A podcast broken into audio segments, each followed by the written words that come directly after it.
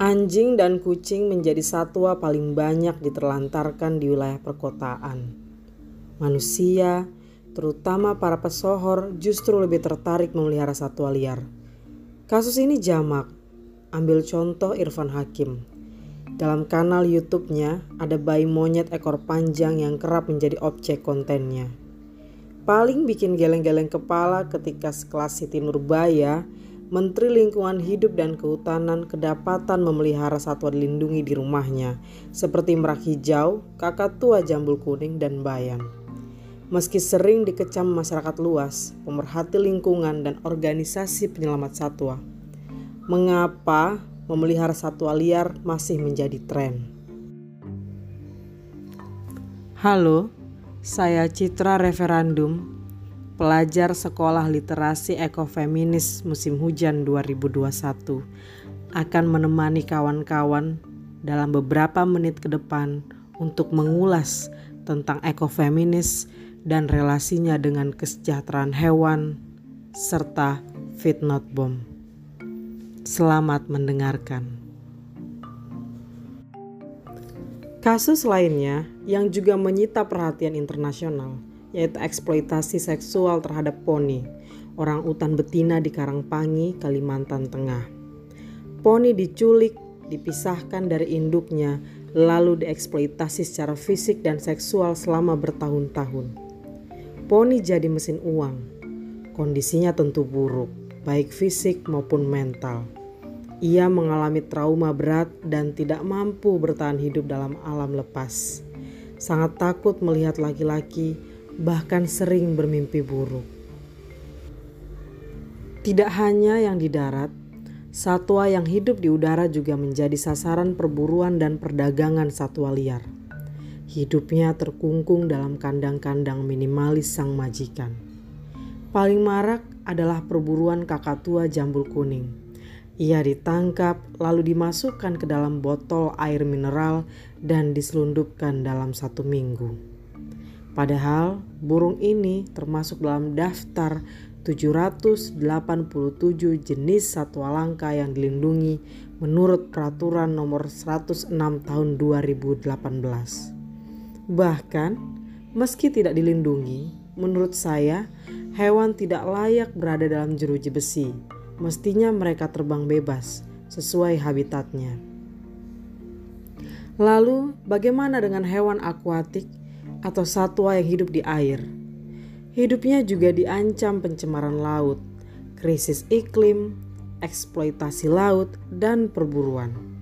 Menurut riset Jambek 2015, satwa plastik di laut Indonesia menempati urutan kedua terbanyak dunia setelah Tiongkok. Belum lagi pencemaran tumpahan minyak bumi berulang di wilayah Kabupaten Bintan, Kepulauan Riau Masalah krisis iklim juga menjadi momok. Banyak sekali jenis satwa yang akan terancam punah akibat berubahnya suhu bumi ini. Dampaknya juga berkelindan. Misal, matinya terumbu karang, rumah ikan akibat suhu panas ini mengakibatkan ikan kehilangan tempat untuk bertelur dan ikan-ikan kecil yang menjadi makanan satwa lain juga kian sulit ditemui. Selain menunjukkan kuasa manusia atas makhluk hidup lainnya, Perburuan satwa liar ini juga ujungnya adalah putaran uang. Ketika satwa masuk kebun binatang atau kanal YouTube, ia akan menjadi barang tontonan berbayar, baik melalui karcis maupun Google AdSense. Pada 2017 sampai 2019, kepolisian telah menangkap 796 penjual satwa liar dengan 15.640 satwa yang disita. Data ini saya kutip dari majalah Tempo tanggal 6 April 2019. Satwa liar juga menghadapi pengerusakan habitat asli yang dampaknya meluas. Ada banyak penyebabnya, seperti perampasan ruang, pengalih fungsian lahan, perubahan iklim, dan pencemaran lingkungan. Keempat peristiwa ini berakar dari satu daur aktivitas perusahaan yang sangat eksploitatif.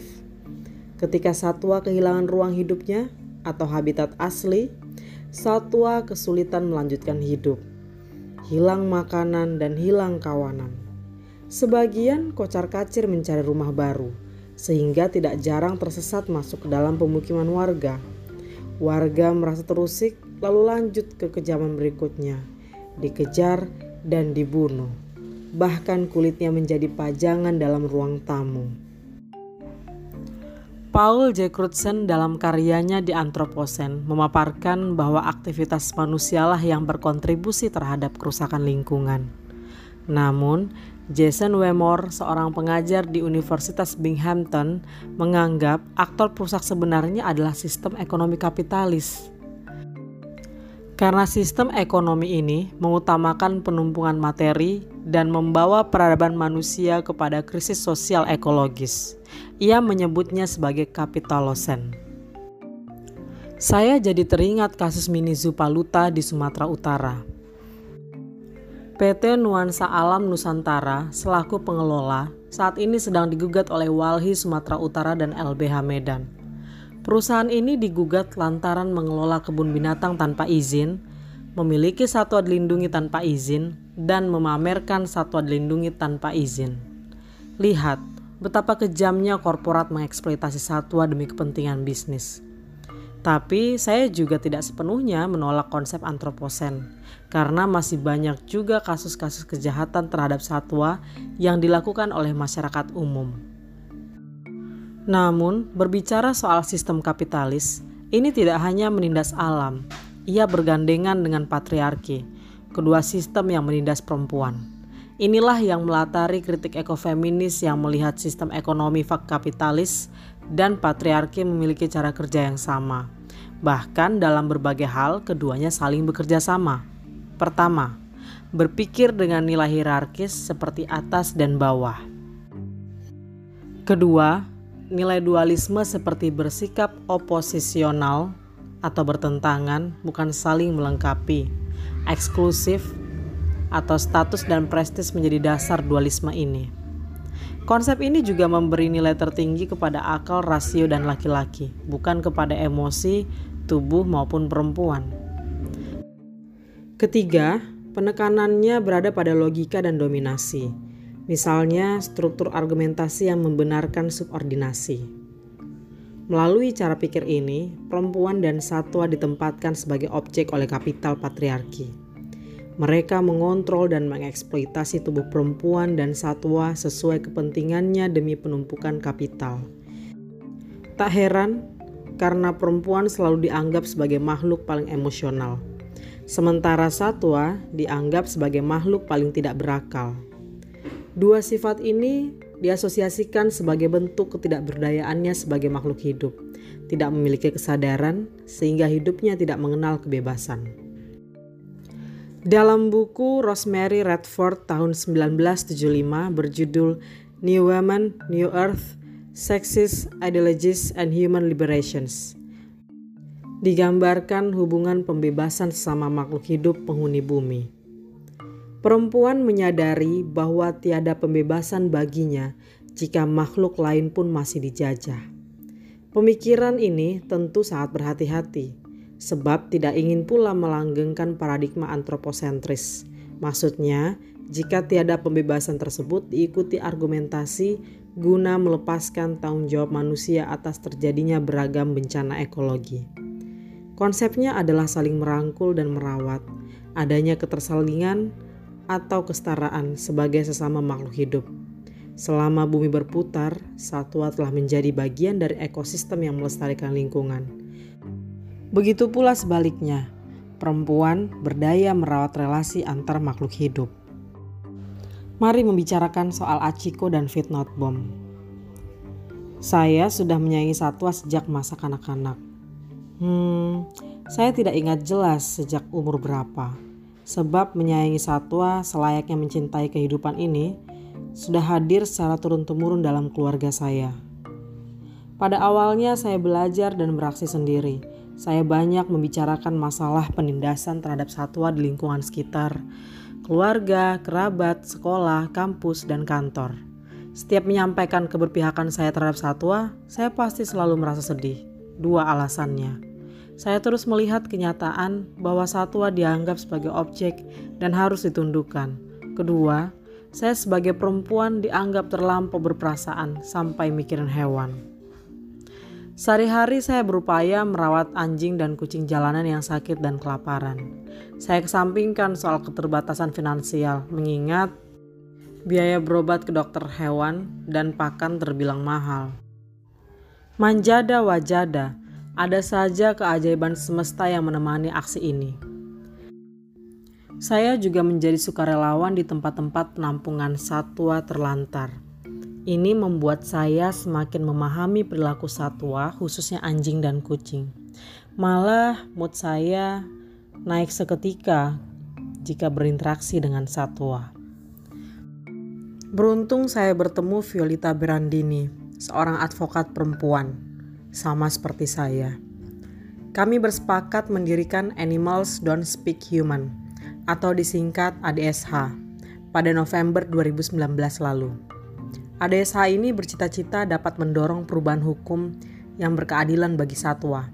ADSH juga rutin memberikan konsultasi hukum gratis mengenai hukum satwa, pendidikan publik, publikasi informasi melalui media sosial, bekerja sama dengan organisasi satwa lainnya, dan melakukan penggalangan dana publik bagi organisasi penyelamat satwa di situasi pandemi COVID-19. Kami ternyata tidak sendirian. Pada Januari 2020, saya bertemu kawan-kawan dengan kepedulian yang sama saat Jabodetabek dilanda banjir besar. Kami berkeliling Jakarta Selatan untuk memberi makan hewan terdampak banjir. Manusia saja menderita saat kebanjiran, apalagi satwa. Belum lagi segala bala bantuan hanya berpusat bagi manusia. Saat berkeliling, kami menemukan kucing orange dengan kaki dililit karet, kulit lepas dan tulang terbuka. Kami membawanya ke klinik terdekat. Ia dipanggil Garang Delhi. Lantaran kami temukan di Jalan Tegal Parang depan Walhi. Kebersamaan menolong Garang ini mendorong kami membentuk kolektif bernama Fit Not Bomb. Fit Not Bomb berorientasi pada peningkatan kesejahteraan satwa melalui aksi langsung, kampanye dan penggalangan dana publik. Kami rutin berkumpul dan berkeliling melakukan street feeding atau memberi makan hewan liar di jalanan. Fit Not Bomb kini menjadi ruang bagi banyak orang muda yang selama ini merasa sendiri memperjuangkan keadilan bagi satwa. Kolektif ini kian masif. Ia hadir secara organik di berbagai wilayah. Saya sulit menghitungnya karena pertumbuhan aksi ini sangat cepat, kira-kira puluhan wilayah di Indonesia. Cari saja lewat akun Instagram jika tertarik bergabung. Syaratnya cuma keberpihakan terhadap satwa. Di Bandung, kami mengangkat nasib anjing betina bernama Achiko. Ia tinggal di sekitar Taman Sari yang warganya melawan penggusuran paksa. Penggusuran perumahan warga juga membuat rumah hidup satwa di Taman Sari ikut hilang. Akhirnya, banyak orang muda yang mengenal Achiko dan menyadari ia dan teman-temannya, anjing, kucing lainnya, juga menjadi korban penggusuran paksa pula. Achiko bukanlah tokoh fiksi. Ia seekor anjing yang datang dari Bandung ke Jakarta bersama warga untuk mencari keadilan. Kilas balik sekitar pukul 7 waktu Indonesia bagian Barat, tanggal 12 Desember 2019 terjadi ketegangan di Taman Sari. Tiba-tiba pemerintah kota Bandung mengerahkan ratusan aparat gabungan, Satpol PP, Polrestabes Bandung, dan Kodim untuk mengusir warga. Rencananya lokasi tersebut akan dibangun rumah deret. Pola yang serupa pada kasus-kasus penggusuran paksa lainnya pemerintah menggunakan kekuatan berlebih dan tidak berwenang. Alhasil, banyak warga yang mengalami kekerasan. Tentunya tidak hanya warga yang mengalami kekerasan, hewan juga dapat mengalami kekerasan mental. Mereka panik, kocar-kacir saat alat berat dengan gagahnya merobohkan rumah warga, tempat berlindungnya. Seketika, ruang hidup ini berubah menjadi puing. Pasca digusur paksa, Warga, Aciko, dan hewan lainnya tetap tinggal di atas reruntuhan. Mereka tidak punya pilihan.